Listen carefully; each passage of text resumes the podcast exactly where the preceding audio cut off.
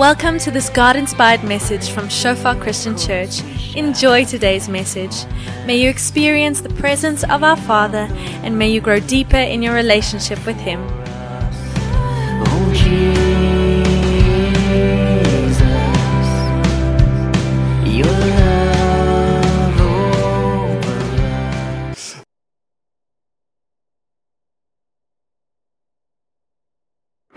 overflows. Welkom. En almal hier vandag, vir die van julle wat my nie ken nie, my naam is Wian. Ek is een van die pastore hierso. Dit is my voorreg om vanoggend die woord met julle te kan deel. Net voor ek dit deel, wil ek ook net 'n versoek rig aan ons as gemeente.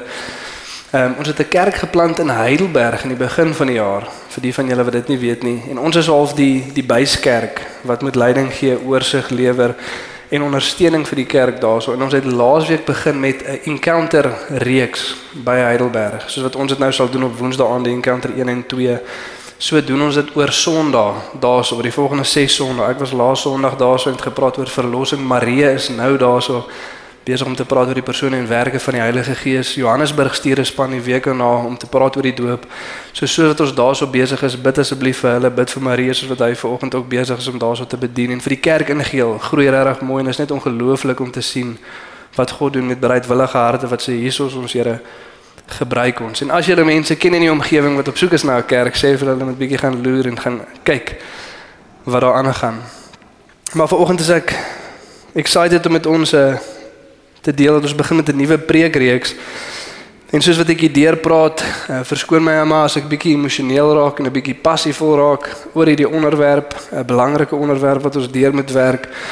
En ook soos wat ons daar deur gesels, ook net 'n disclaimer dat daar soos min onderwerpe meer sensitief as die een. Amen. Ons almal was grootgemaak deur iemand. Ma, pa, ouma, oupa, wat nou in 'n kinderhuis was of waar ook al, iewers het ons iemand gehad wat in ons lewe sekere goeders ingebou het, wat ons sekere goeders gesien het en sekere ervarings wat ons gehad het. En nou is ons besig om te kyk na God se ideaal in lig van ons realiteit. En om eerlik te wees, geen een van ons se realiteit meet op teenoor God se ideaal nie. Amen. Selfs die beste huise het iets wat nie reg is nie, iets wat sleg is, is iets wat kan verbeter. Maar so ook selfs die slegste huis het iets goeds. Waar God uit genade uitkom en iets van sy hart kom openbaar. En soos wat ons die deurwerk mag ons dalk baie emosies beleef. So ook ons wat ouers is vanoggend. Ons is besig om ons kinders op 'n sekere manier groot te maak en ons sal wil glo dat dit reg is. Ons sal wil glo dat ons intensies reg is. Die manier waarop ons dit doen, die doel vir ons kinders en die manier wat ons daai doel wil bereik, ons sal wil glo dat dit reg is. Maar dit is nie altyd die geval nie. En so soos dat ons die deurwerk mag ons dalk verwyd beleef. Party van ons mag dalk die emosie beleef, maar as ek dit vroeër geweet het of is dit dalk nou te laat? Party van ons mag dalk 'n bietjie van 'n verwyd beleef teenoor ons ouers. As hoekom het hulle nie plaas het hulle? En om ook net weer te weet dat as dit kom by ouerskap, kan ons nie gee wat ons nie het nie. En om te weet dat ons ouers wat ons grootgemaak het, was ook deur ouers grootgemaak. Hulle het nie hulle self grootgemaak nie. En almal is die produk van iemand en so het ons genade vir mekaar. En so nader ons tot God en maak nie saak wat se emosies ons ervaar nie, maak nie saak waardeur ons werk nie. Kom ons vat dit na die Here toe en laat hom toe om te kom genees waar genesing nodig is. Om te kom leiding gee waar leiding nodig is. Om te bely waar belydenis nodig is. Ek dink een van die belangrikste goeie soos wat ons hierdeur werk, miskien veral vir ons as paas, is as ons sien daar's iets wat ons nie reg doen nie of iets wat ons nie reg kry nie. Is dit baie belangrik om nie net dit te wil regstel nie, maar ook belydenis te hê daar waar belydenis nodig is. Eerstens teenoor God en tweedens teenoor ons kinders, teenoor ons vrou, teenoor ons ouers as ons sien as kinders dat ons nie reg optree nie. Maar belangrik dat as ons iets sien om na ons kind toe te gaan, om na ons vrou toe te gaan, om na ons ouers toe te gaan, hulle in hulle hande te vat, hulle in hulle oë te kyk en te sê ek's jammer. Ek's jammer hiervoor. Ek's jammer daarvoor. Vergewe my en kom ons laat toe dat God uit genade het ons kom lei sodat ons dit kan beter maak. Amen. Bereidwilligheid om dit te kan doen. Maar kom ek bid vir ons en dan spring ons in vanoggend. Ja Here, dankie vir u goedheid. Dankie vir u grootheid, Here. Dankie vir u genade teenoor ons. Ek kom bid Vader veral vir ons as tradisionele Afrikaners teen 'n werksgebaseerde evangelie Vader. En ek kom bid vanoggend Vader dat ons genade sal sien vir wat genade is, Here. Onverdienst. Deur genade alleen. Ek kom bid Here dat ons met oop harte tot U sal nader, Here, soos wat Maria so mooi gedeel het laasweek, Vader. Harte wat ontvanklik is. Dat die saad van die woord Here kan val en kan vrug dra en kan groei. Nie net vir ons onthaalwe Here, maar ook vir ons kinders. En ek kom bid vir oggend Vader dat U vir ons die vermoë en die bereidwilligheid sal gee Here om hulle goed lief te hê. Ek kom bid Here vir U definisie van liefde. En dat ons doel vir ons kinders U doel sal wees, Here, en dat die manier waarop ons daai doel wil bereik U manier sal wees. En Here mag ons erken soos wat ons na die wêreld om ons kyk, Vader, dat wat ons sien, die voorbeelde wat ons het, die boeke wat geskryf word, die inligting wat ons kry, is so ver, Here, van U waarheid af. Mag ons besef vanoggend, Vader, dat daar's ook 'n vyand. Hy wil ook sekere goeders inbou en 'n sekere voorbeeld stel. En hy het ook 'n agenda. Maar dankie Here dat ons nie reageer teenoor vrees nie, Here. Maar dat ons in gehoorsaamheid volg omdat 'n goeie Vader ons lei. Dankie Jesus vir u voorbeeld. Dankie Jesus vir u werk op die kruis. Dankie Heilige Gees vir u teenwoordigheid. Dankie Vader vir u perfekte wil. In Jesus naam. Amen. So die tema van ons reeks waarmee ons begin is intelligente klein sondaars. Intelligent little sinners. En ek gaan dit nou vir ons so klein bietjie verduidelik, maar net vinnige vraagie, wie van hierso het kinders? Enige ouers in die huis, kan ek die hande sien? Het geweet die enkel lopendes gaan nou weer by die huis bly want hulle hoef mos nou nie te luister vanoggend nie. Ek maak dit 'n grap hierso sit julle. Ek's baie trots op julle. Is vir julle ook vanoggend. En ek wil net sê soos wat ons hierdie reeks spesifiek kyk na kinders, is dit ook van toepassing op disippelskap in geheel. Want die einddoel van disippelskap is hopelik dieselfde einddoel wat ons het vir ons kinders. Amen. So baie van die prinsipe en goeders waar ons gaan praat kan jy ook toepas in 'n proses van disippelskap. So intelligent little sinners, net om hierdie vinnig te verduidelik. Ek dink as mens hierdie drie goeders in balans voor jou kan hou konstant, sal jy 'n goeie verwagting hê van wat dit is om kinders groot te maak. Die eerste een is intelligent. Ons kinders is meer intelligent as wat ons ooit sou kon dink. En net voordat jy dink ja, sien, is Ek kan baie meer van hulle verwag en baie meer druk op hulle sit en ek hoor konstant die mense sê jy sit te veel druk op hulle, jy verwag te veel van hulle. Die pastoor het nou gesê hulle is baie meer intelligent as wat ons ooit sou kan dink. Dis reg. Ons gaan nou by die little en sinners gedeelte ook uitkom. Die klein en sondaars. Maar ons kinders is baie meer intelligent as wat ons ooit sou kon dink. En konstant is die wêreld besig om al hoe laer en laer standaarde te stel van wat 'n kind veronderstel is om te weet behalwe as dit kom by sonde en seksualiteit. Dan dryf hulle agenda en dit begin al hoe vroeër en vroeër en vroeër en kinders se opvoedkunde by skole ingedruk word, maar by die res van die areas van lewe wil ons al hoe minder en minder van hulle verwag.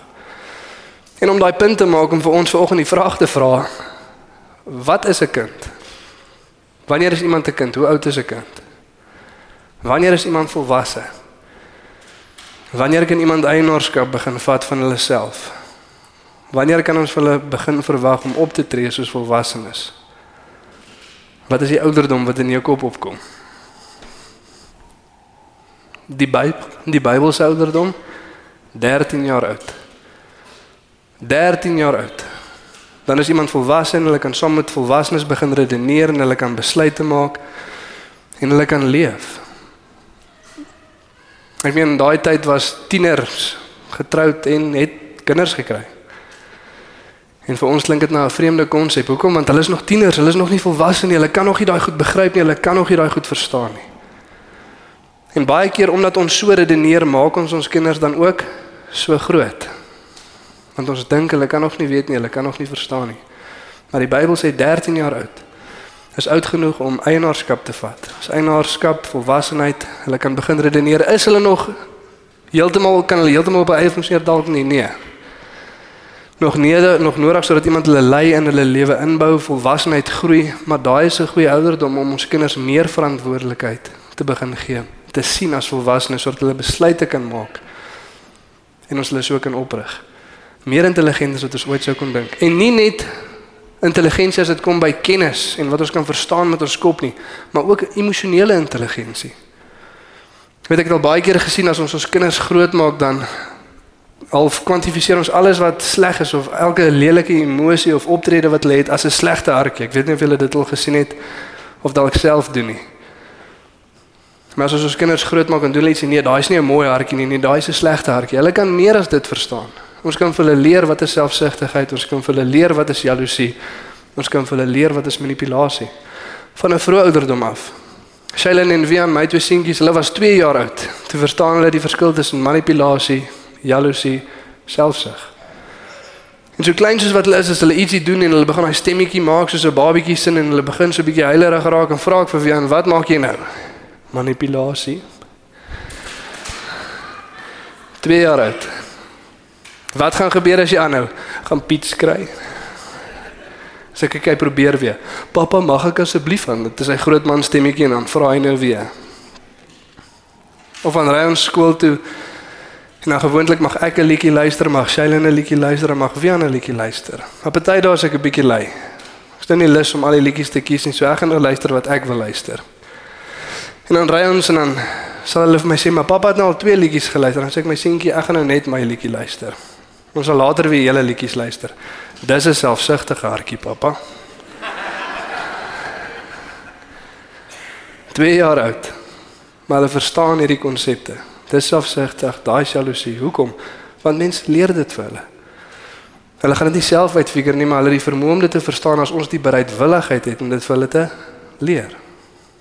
Maar dan terselfdertyd net soos wat ek verstom is en nie kan dink dat die twee klein laaitjies dit al verstaan nie, 5 minute later trek die een sy broek af in die publiek. Kom iemand kuier aan sê ek groet asseblief die mense, jy is poef. dan hardloop hulle dan sê ek soos, "Ag. Oh, wat het nou net gebeur?" 5 minute later. En hulle begryp en hulle snap iets en ek soos, "Jesus, like, kyk net hierso, die verwagting is nou hoog." 5 minute later is die verwagting weer laag. Hoekom? Want hulle bly klein en hulle bly sondaars. Net so wat hulle hierdie goed begryp en partykeer dan dink ons eers hier daar slat hy vir Boetie met die karretjie oor die kop en jy dink jouself maar ek het hom nie dit geleer nie. Is jy met my? Ek het nie vir hom gaan sê, "Shailene kom kyk hier, dis hoe jy vir Boetie slaan nie." Pa. Of wie aan kyk, dis hoe jy vir Boetie skop. As jy hom wil skop as hy irriteer, dis hoe jy dit doen nie. Nee, hulle doen dit self. Hoekom? Hulle bly sondaars. Ongelukkig net omdat ons gered is, beteken dit nie ons kinders is outomaties gered nie. Hulle bly sondaars en hulle het nodig vir die genade van God om hulle te kom verander. En ek dink as ons daai drie goed konstant in balans kan hou en kan onthou soos wat ons ons kinders grootmaak, sal ons 'n goeie verwagting hê van wat ons kan verwag, wat hulle kan verstaan, maar ook die realiteit van wat ons dalk kan sien 5 minute later. Amen. En vanoggend is ons titel soos wat ons begin met dit, die vermoë en die bereidwilligheid om lief te hê. Die vermoë en die bereidwilligheid om lief te hê. En ons gaan vandag bietjie kyk na die hart en volgende week 'n bietjie meer prakties raak.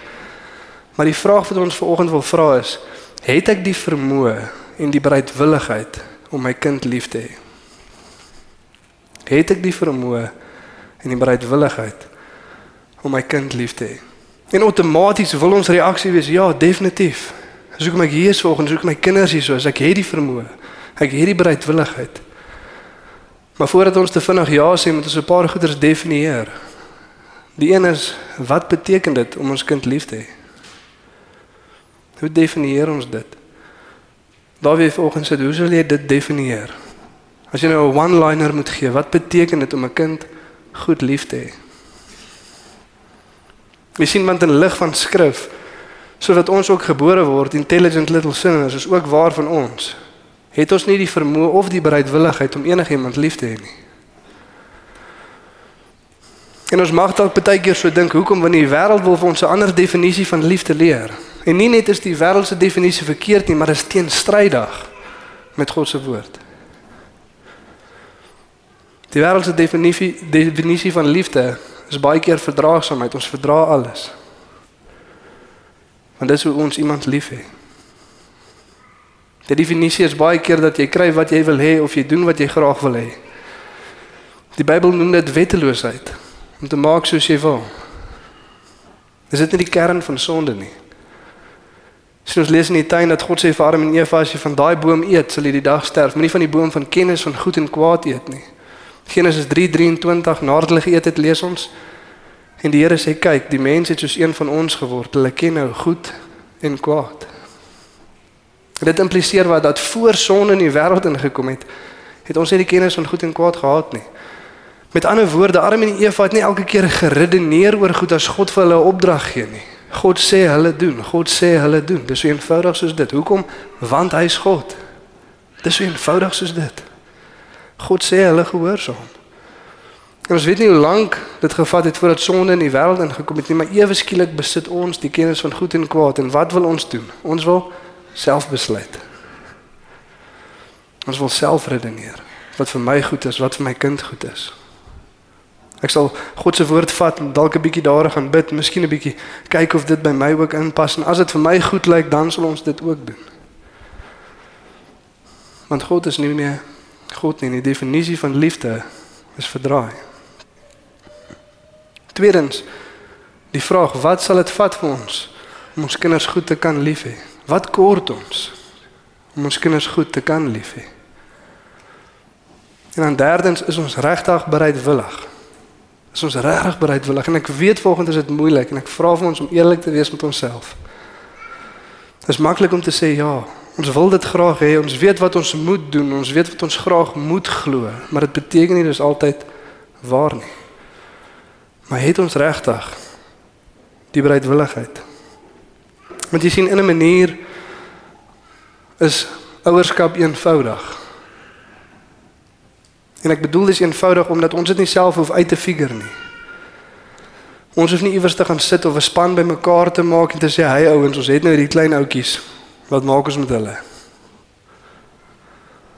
Kom ons sit 'n bietjie 'n wetenskaplike proses aan die gang. Julle doen elke keer dit, ons doen elke keer dit en dan na 4 maande dan kan sien ons wat wat gebeur op die einde. Nee. God het dit vir ons in sy woord gegee. Hy het dit klaar gedefinieer Hy sê vir ons wat hy van ons verwag. Hy sê nie net wat hy wil hê nie, maar ook hoe ons dit moet doen. Hy sê ook vir ons wat nodig is om dit te doen. Dis uitgelê. So in daai manier is dit eenvoudig. Niemand sukkel met ouerskap omdat dit te moeilik is om te begryp nie. En as ons baie keer so voel is die rede ons probeer onsself regverdig. Wanneer ook al iets in ons Christelike lewe ingewikkeld raak, is dit omdat ons onsself wil regverdig. Ons wil nie die waarheid aanvaar nie. Ons wil nie net eenvoudig bely en belyn met God se woord nie. Anders is dit eenvoudig. Maar op 'n ander manier is dit moeilik om toe te pas. Hoekom? Want ons is selfsugtig. Ons het nie altyd die vermoë of die bereidwilligheid om God te gehoorsaam nie. Om God te volg nie. Ons vind dit moeilik om vir enigiemand anders as onsself te lewe. En baie keer dan kry ons kinders en dit lyk asof ons vir hulle lewe en ons doen baie goed, maar dis eintlik vir onsself, ons doelwit, ons ideaal, ons idee, ons plan. En dan lewe ons om kinders groot te maak wat nie ons teleurstel in die publiek nie en ons laat goed lyk voor mense in plaas van kinders wat God glorie gee. Dit is belangrik vir ons om introspeksie te doen volgens en te kyk wat ons doen. Want as ons om ons kyk, moet ons eerstens die ernstigheid sien van wat besig is om aan te gaan. As ons kyk na die generasies, as ons kyk na kinders waarmee hulle besig is, waartoe hulle gaan, dan moet ons besef dis ernstig. Dis meer ernstig as wat ons dink.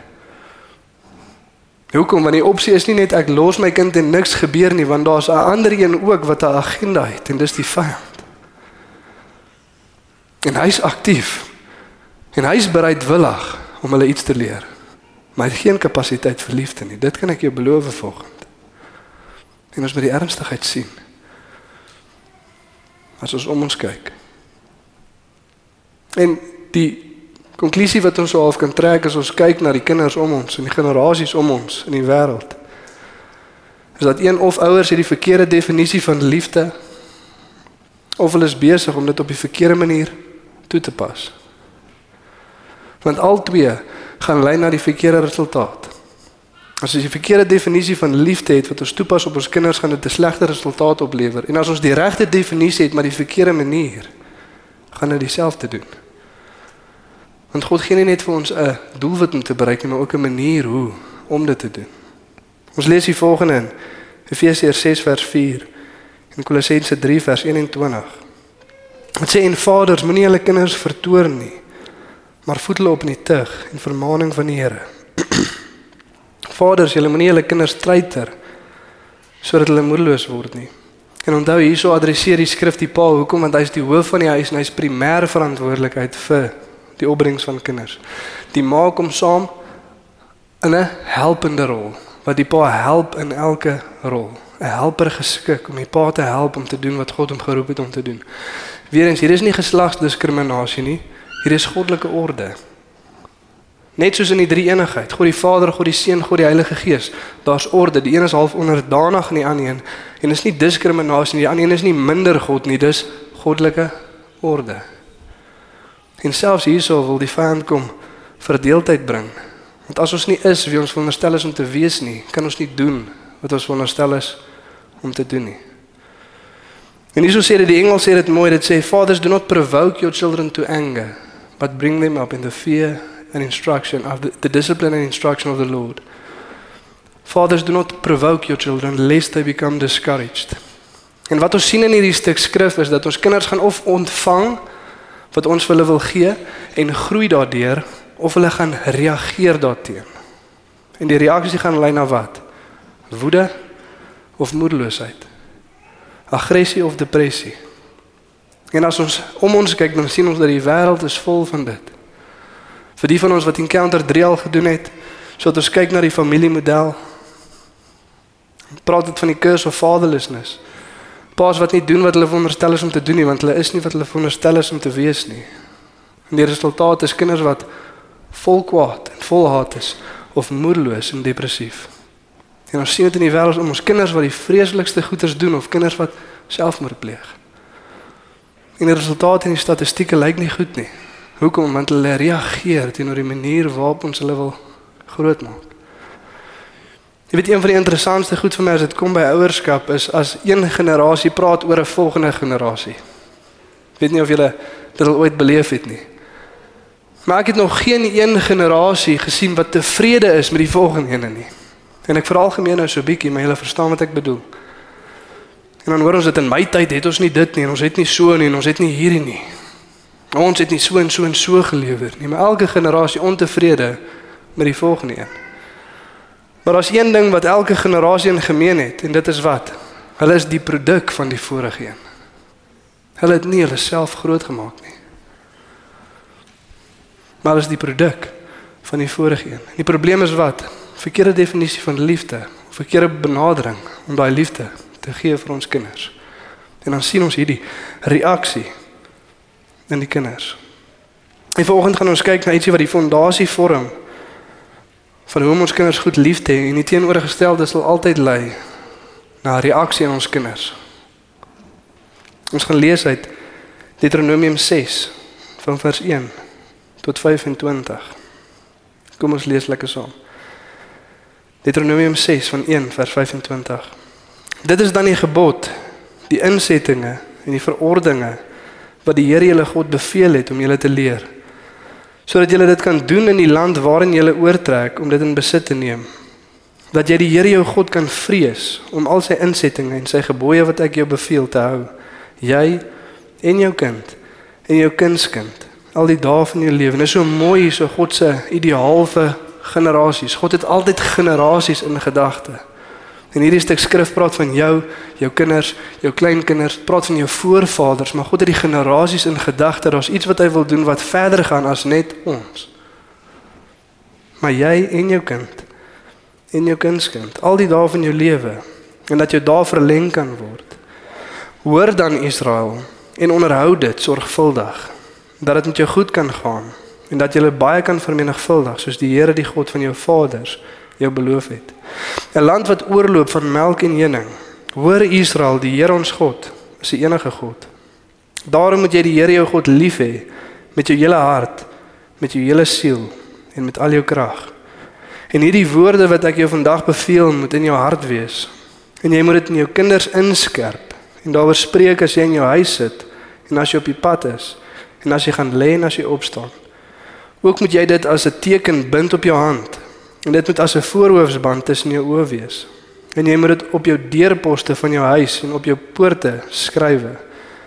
En as die Here jou God jou inbring in die land wat aan jou vaders Abraham, Isak en Jakob met die eed beloof het om jou te gee groot en mooi stede wat jy nie gebou het nie en huise vol van allerlei goed wat jy nie gevul het nie en uitgekapte reënbakke wat jy nie uitgekap het en wingerde en olyfbome wat jy nie geplant het nie. En jy eet en versadig word, neem jou dan in ag dat jy die Here nie vergeet wat jou uit Egipte land uit die slawehuis uitgelei het nie. Jy moet die Here jou God vrees en hom dien en by sy naam moet jy sweer. Jy mag nie agter ander gode aanloop, uit die gode van die volke wat rondom julle is nie. Want die Here jou God is 'n jaloerse God by jou sodat die toon van die Here jou God nie teen jou ontvlam en hy jou van die aarde verdelg nie. Jy mag die Here jou God nie versoek soos jy hom by Massa versoek het nie. Jy moet die gebooie van die Here jou God en sy getuienisse en sy insette wat hy jou beveel het ywerig onderhou. En jy moet doen wat reg en goed is in die oë van die Here dat dit met jou goed gaan. En jy kan inkom en besit neem die goeie land wat die Here aan jou vaders met 'n eed beloof het terwyl hy jou vyande voor jou uitverjaag soos die Here gespreek het. As jou seun jou later vra en sê, wat beteken die getuienisse en die insettinge en die verordeninge wat die Here ons God julle beveel het, dan moet jy aan jou seun sê, ons was slawe van Farao in Egipte. Maar die Here het ons deur 'n sterk hand uit Egipte uitgelei.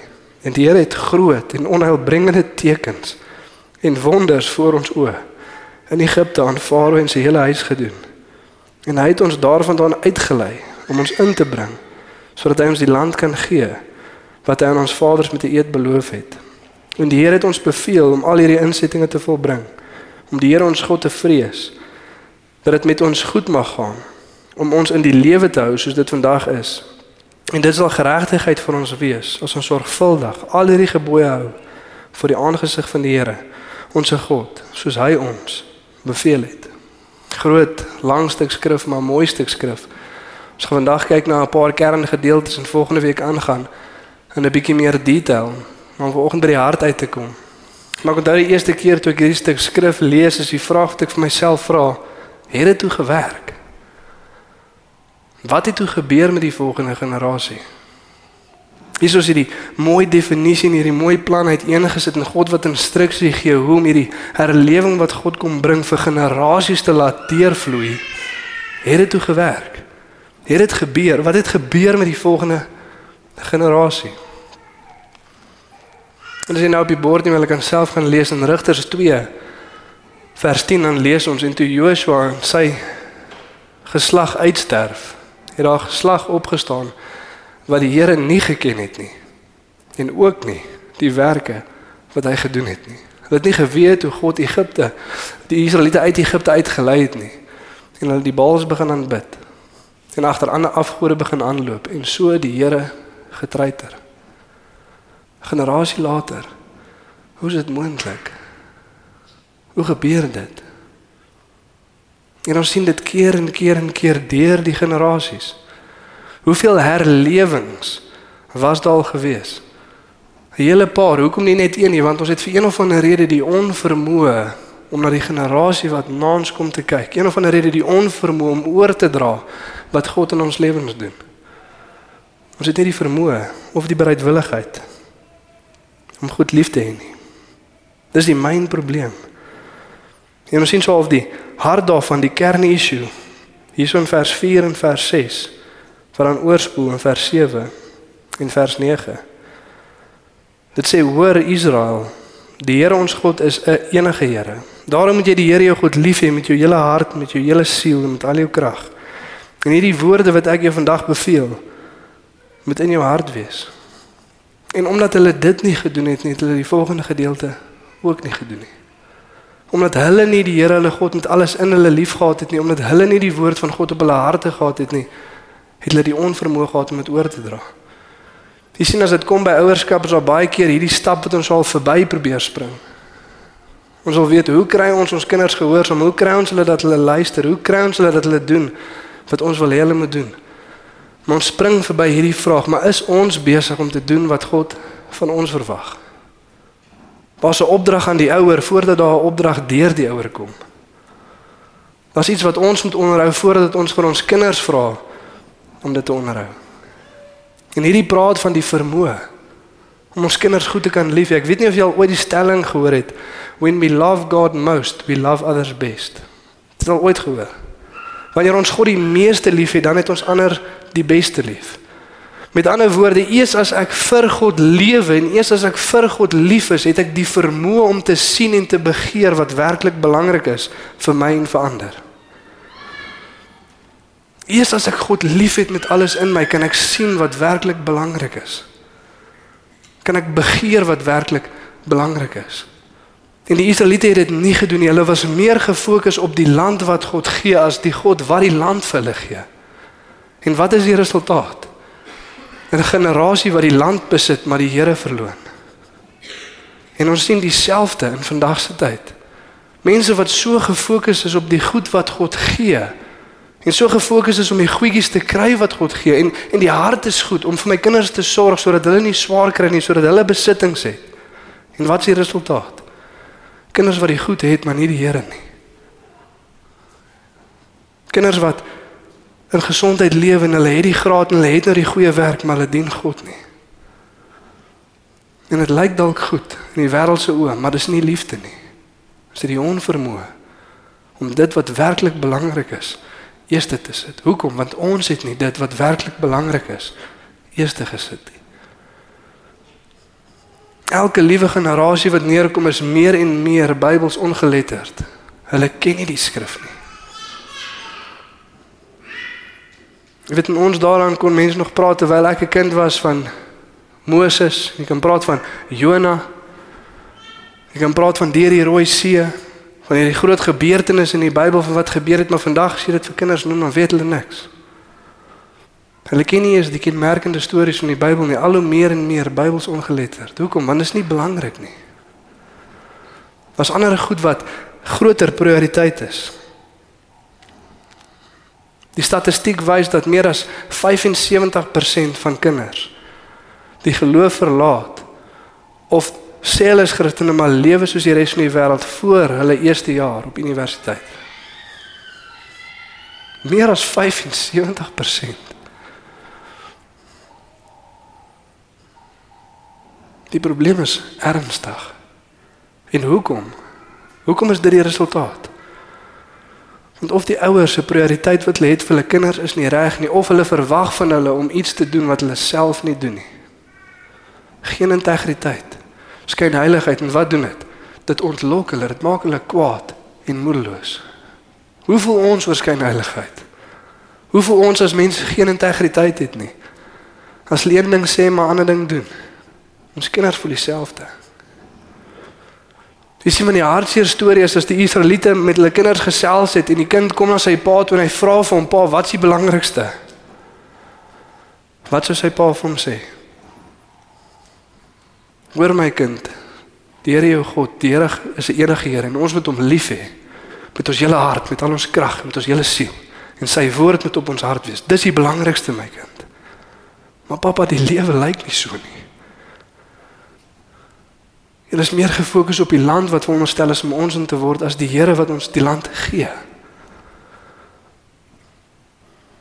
En baie keer is dieselfde waar van ons lewe. En die vraag wat ons osself volgende met vra is, is ons wat ons wil hê ons kinders moet word. Sal ons tevrede wees as ons kinders word wie ons is? Sal ons tevrede wees as hulle gebedslewe lyk soos ons in? Sal ons tevrede wees as hulle skrifkennis lyk soos ons in? Sal ons tevrede wees as hulle lofprysing lyk soos ons in? Sal ons tevrede wees as jou dogter eendag 'n man soos jy trou, wat jou vrou hanteer soos jy jou vrou hanteer? wat jou lewe neerlê vir jou vrou soos wat jy doen. Hy het genade is hopelik die antwoord ja. Vir die maas hierso, wil jy hê jou seun met enige dogter trou wat met haar man praat soos wat jy met jou man praat?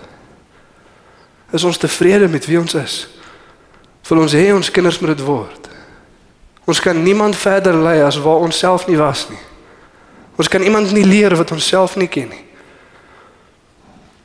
Jy sien baie keer as dit kom by uitreik na ander mense toe en ons vra die vraag, het jy die vermoë om die evangelie vir die mense daar buite te verduidelik?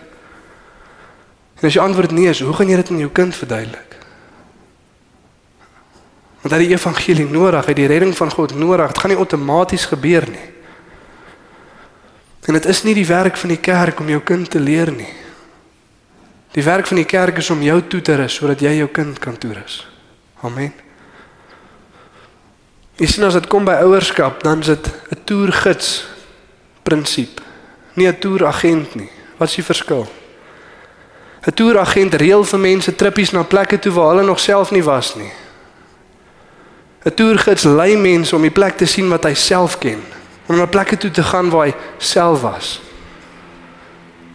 En die waarheid is dieselfde vir ons as dit kom by ons kinders. Ons is toergidste, ons lei ons kinders daar waar ons self was. Hulle gaan doen wat ons doen. Nie doen wat ons sê nie. En hopelik stem die twee ooreen. Ons sien dit in kinders vandag. Of hulle soek 'n man of hulle vrou soos hulle pa of hulle ma of een glad nie so nie. As jy met my. Hoekom? Want of hulle ontvang en hulle groei daardeur of hulle reageer teen dit. Dis ons twee opsies. Maar is ons wat ons wil hê ons kinders moet wees? Dit vat 'n goddelike ouer om 'n goddelike kind groot te maak.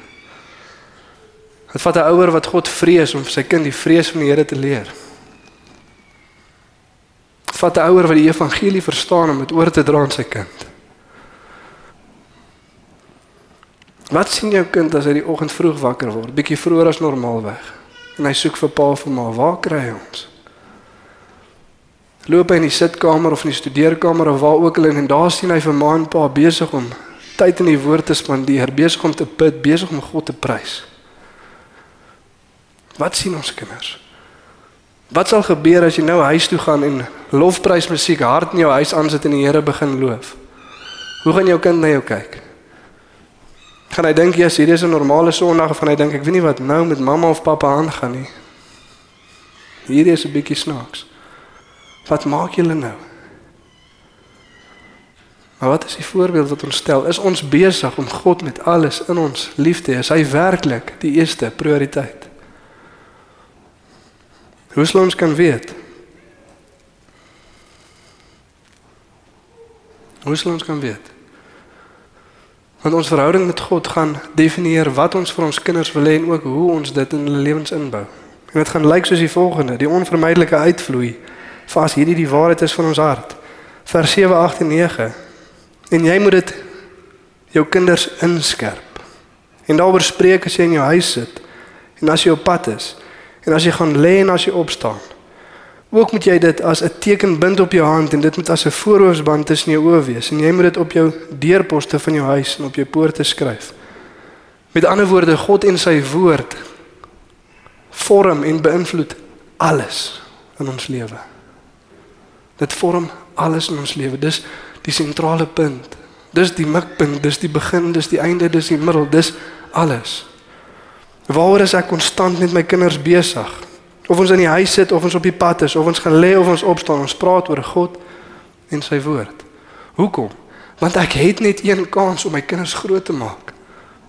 Ek kan dit nie weer doen nie. Die oomblik toe hulle gebore is, toe begin daai klok loop. En die tyd raak al hoe minder wat ek het om in te bou in hulle lewe.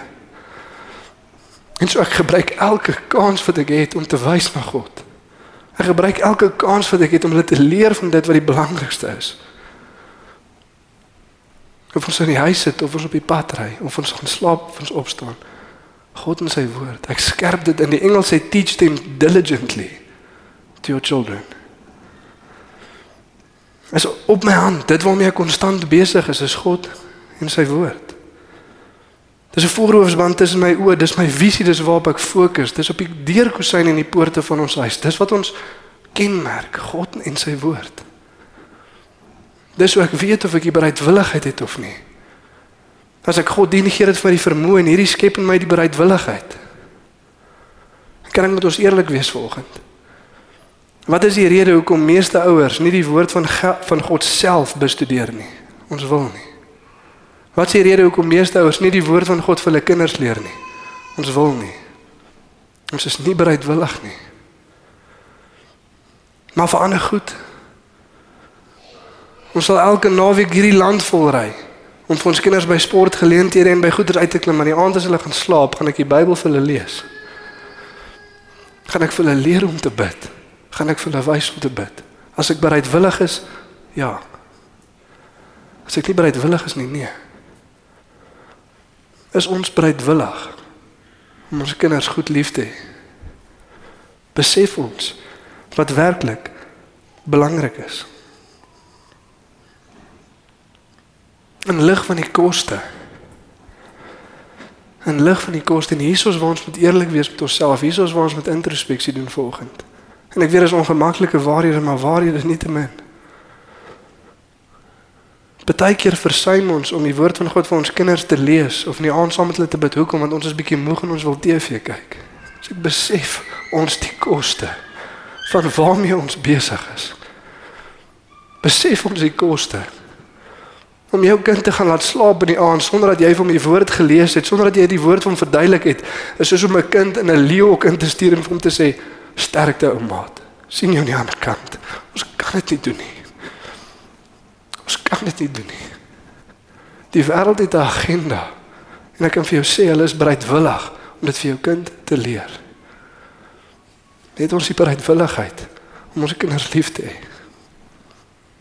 Daar sal nie 'n enkele dag wees wat ek by my kinders is wat ek net die woord vir hulle lees, nie woord vir hulle verduidelik nie. Dat ek vir hulle wys hoe om te bid en hulle leer om te bid nie. Hoekom? Want ek verstaan die koste. As ek hulle nie gaan grootmaak nie, is daar 'n ander een wat bereidwillig is en hy het geen kapasiteit vir liefde nie en hy wil steel, verwoes en vernietig. Besef ons die koste vanoggend. Dis lewe en dood. En ek vra vir ons, wie het ons die bereidwilligheid? Het ons die vermoë om ons kinders goed lief te hê? Wat is dit wat ons op geen kompromie lewe in ons huishouding nie? Wat is die goed wat sal gebeur, maak nie saak wat nie. En nie moet ons eerlik wees met onsself. Is dit ons kind se akademie? Is dit sy sportloopbaan? Is dit sy geloof? Is dit sy saligheid? Wat is die belangrikste? Waarmee is ons besig? Waaraan bestee ons die meeste tyd? Is ons besig om ons kinders vir onsself groot te maak of is ons besig om ons kinders vir God groot te maak want hulle behoort aan hom? Malagi 2:15 sê waarom het God man en vrou een gemaak? Sodat daar 'n goddelike nageslag kan wees wat hom eer. Dis hoekom. Dis die doel. Wat probeer ons met ons kinders doen? Ons leer hulle om God te eer. Punt, stop, einde. Dis hoofsaak, dis die kern. Dis waarmee ons besig is, maar vir hulle om dit te leer, moet ek dit self eers doen. Waar sal ons dit sien? 'n Paar indikasies in ons gebedslewe. Een, bid ons vir ons kinders. Twee, waarvoor bid ons vir hulle voor? Vanaand dalk om te bid as hulle siek is of as daar probleme is, maar bid ons konstant, die Here red hierdie kind van my. Here mag hy sien. Here mag hy glo. En lei my dat ek konstant die geleentheid het om hom te wys na U toe. Is dit waarvoor ons bid? Is dit waarvoor ons kontant stoei in gebed vir ons kinders? Here red. Nog 'n indikasie wat ons sal kry is hoe reageer ons as hulle in die publiek stout is teenoor hoe as hulle by die huis stout is. Partykeer reageer ons minder as hulle by die huis stout is meer in die publiek. Hoekom? Want in die publiek laat hulle my sleg lyk. Maar nie, by die huis is hulle ook nie besig om vir God eer te gee nie. Waarmee is ons besig? Het ons werklik die vermoë en die bereidwilligheid om ons kinders goed lief te hê in lig van die koste? Dis wat ons osself vanoggend moet vra. En hoe kry mens dit? Miskien sien ons volgende daar's geen bereidwilligheid nie. Ek is konstant met ander goed besig of dit nou kom by die goed van die Here vir God vir my kinders leer of net saam met hulle speel. Hoe gereeld sê my seentjies nie vir my pappa kom ons gaan doen dit, kom ons gaan spring daar, kom ons gaan speel daar. En meeste keer is die antwoord nee. Hoekom pappa is moeg? Is geen bereidwilligheid nie. As dit kom by sekere goeders inbou, nee, hoekom? Daar's geen bereidwilligheid nie. Waar sal ons die vermoë kry? Waar sal ons die bereidwilligheid kry? Ek wil vir ons afeindig met dit. Vers 20 tot 22 skynbeeld van die evangelie. Dit sê as jou seun jou later vra en sê, "Wat beteken die getuienis en die insetting en die verordeninge van die Here ons God?" Met ander woorde, ons gaan op so 'n manier lewe dat ons kinders ons gereeld vra, "Hoe pappa, hoekom lewe ons nie ook soos hulle nie? Hoekom doen ons nie ook wat daai mense doen nie? Hoekom lewe ons so? Hoekom doen ons hierdie goeters? Hoekom lewe ons so anders?" Dan moet jy aan jou seun sê, ons was slawe van Farao in Egipte. My seun, daar was 'n tyd wat pappa nie die Here geken het nie. Daar was 'n tyd waar ek hulp nodig gehad het. Daar was 'n tyd waar ek besig was met al die verkeerde goed. Maar maar hier is die goeie nuus. Die Here het ons deur 'n sterk hand uit Egipte uitgelei. God het ons gered. Mamma en pappa was nie altyd gered nie, my seun. Maar die Here het ons gered. En omdat ons besef hoe ons redding nodig gehad het en omdat ons besef hoe genadig God in ons was, dis hoekom ons leef soos ons leef. En pappa hoop jy kan dit ook eendag sien. En die Here het ons met groot en onheilbringende tekens en wonders voor ons oë uit Egipte aanvaar en sy hele huis gedoen. God het ons gered, my seun, dis hoekom. Kolossense 2 vers 5 tot 14 en 15. Nog 2 Korintiërs 5 van vers 14 tot 15. Dan lees ons die liefde van Christus dring ons. Hoekom? Omdat ons tot die besef gekom het dat een gesterf het en daarvoor het almal gesterf. Sodat die wat lewe nie meer vir hulle self sal lewe nie, maar vir hom wat vir hulle gesterf het en weer opgestaan het. Dis net die evangelie wat selfsugtigheid kan kom verwyder. Dis net die evangelie wat my veroorsaak om nie meer vir myself te lewe nie, maar vir God. Dis net die evangelie wat my die vermoë gee om my kinders goed lief te hê. Dis net die evangelie wat my die bereidwilligheid gee om my kinders goed lief te hê. En ja, ek wil graag hê hulle moet ook voorspoedig wees in hierdie wêreld, maar as ek kan kies tyd by die werk sodat hulle geld kan hê om enigiets te doen of tyd saam met my sodat ek hulle kan leer hoe dit lyk om God te dien, dan kies ek die laaste een. Want dis die belangrikste. Amen.